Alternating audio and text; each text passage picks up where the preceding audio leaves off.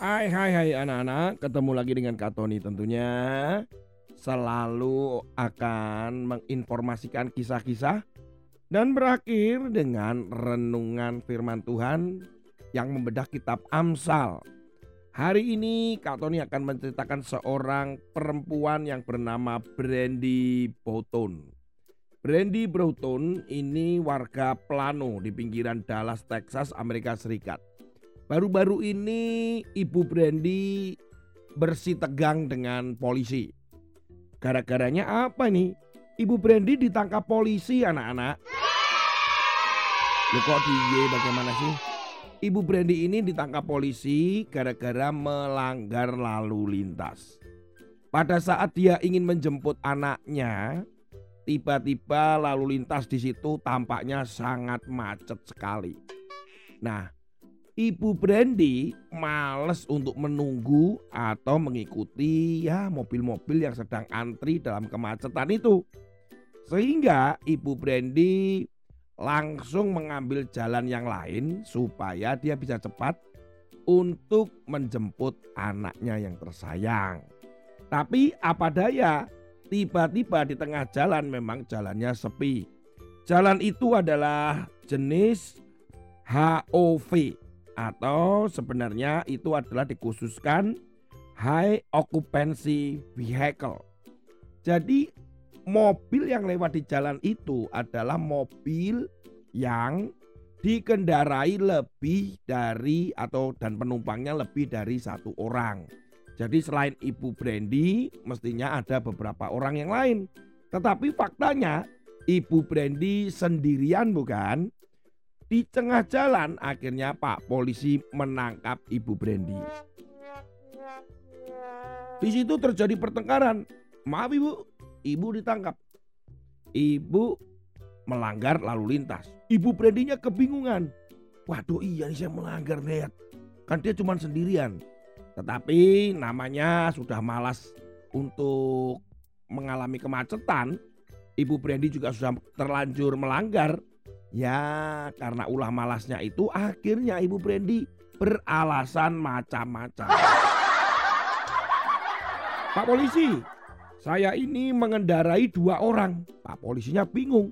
Celingak, celinguk melihat di mana? Di mobil cuma Ibu Brandy sendiri loh. Eh, Pak polisi tidak lihat. Ini di dalam perut. Ibu Brandy mengatakan bahwa di dalam perutnya karena dia mengandung 9 bulan, kurang lebih 9 bulan lah, hampir 9 bulan. Ada bayi perempuan di dalam kandungannya. Dia mengatakan bahwa bayi ini juga manusia. Jadi harus dihitung. Jadi tadi yang mengendarai mobil itu adalah dua orang katanya. Satu saya, satu bayi yang masih ada di dalam perut saya. Pak polisinya geleng-geleng dengan alasan dari Ibu Brandy dan tetap saja ditilang. Ibu Brandy harus membayar 3,2 juta rupiah atau 215 US dollar. Ibu Brandy masih tidak terima, dia naik banding dan dia akan mempertahankan itu di depan hakim bahwa yang naik mobil itu adalah dia dan bayi dalam perutnya. Menurut dia bayi itu kan juga manusia. Iya sih bu, tapi kan ibu yang kelihatan sekarang cuman ibu yang nyetir. Ya memang Bu Brandy males sih mengikuti aturan dan ikut macet-macetan. Eh, anak-anak kalau orang sudah malas itu salah satu tandanya banyak alasan. Alasan ini, alasan itu, alasan ini. Waduh, itu bilang aja males. Firman Tuhan hari ini terambil dalam Amsal pasal yang ke-22 ayat yang ke-13. Si pemalas berkata, ada singa di luar, aku akan dibunuh di tengah jalan. Sebenarnya si pemalas ini mau ngomong bahwa aku tidak mau jalan keluar. Aku tidak mau berjalan keluar rumah. Kenapa? Karena ada singa di luar. Nanti aku dimakan. Itu mah alasan memang dia malas. Ayat ini menunjukkan bahwa biasanya sering kali si pemalas itu banyak alasan. malas mengerjakan PR, kamu bisa saja berkata, "Aduh, ini gurunya memberikan soalnya terlambat." Atau ketika kalian malas membawa eh, misal nih membawa tugas-tugas ke sekolah, kalian beralasan, "Waduh, terlalu pagi bangunnya. Jadi ini saya lupa." Wah, pokoknya orang yang malas-malas itu biasanya too many reason. Wah. Terlalu banyak alasan kayak si Ibu Randy tadi.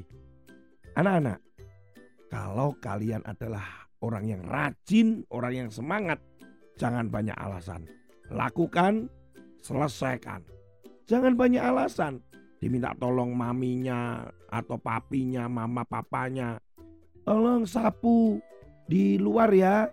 Hari ini karena kotor sekali. Aduh mama sudah sore aku ngantuk.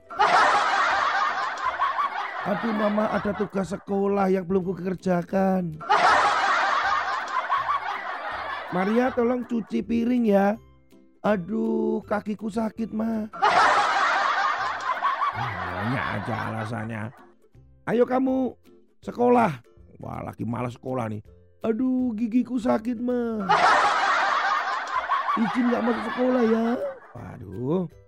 Tapi kau Tony percaya bahwa kalian bukan orang-orang yang malas bukan? Bukan anak-anak anak malas. Kalian adalah anak-anak yang rajin. Anak-anak yang rajin tidak sering atau tidak mau beralas-alasan. Anak rajin, dengarkan, lakukan, selesaikan. Itu adalah kalian dan Kak Tony. Jadilah anak yang rajin dan tetaplah melakukan dengan taat sampai selesai. Tuhan Yesus memberkati kalian. Sampai ketemu lagi dengan Kak Tony. Amin.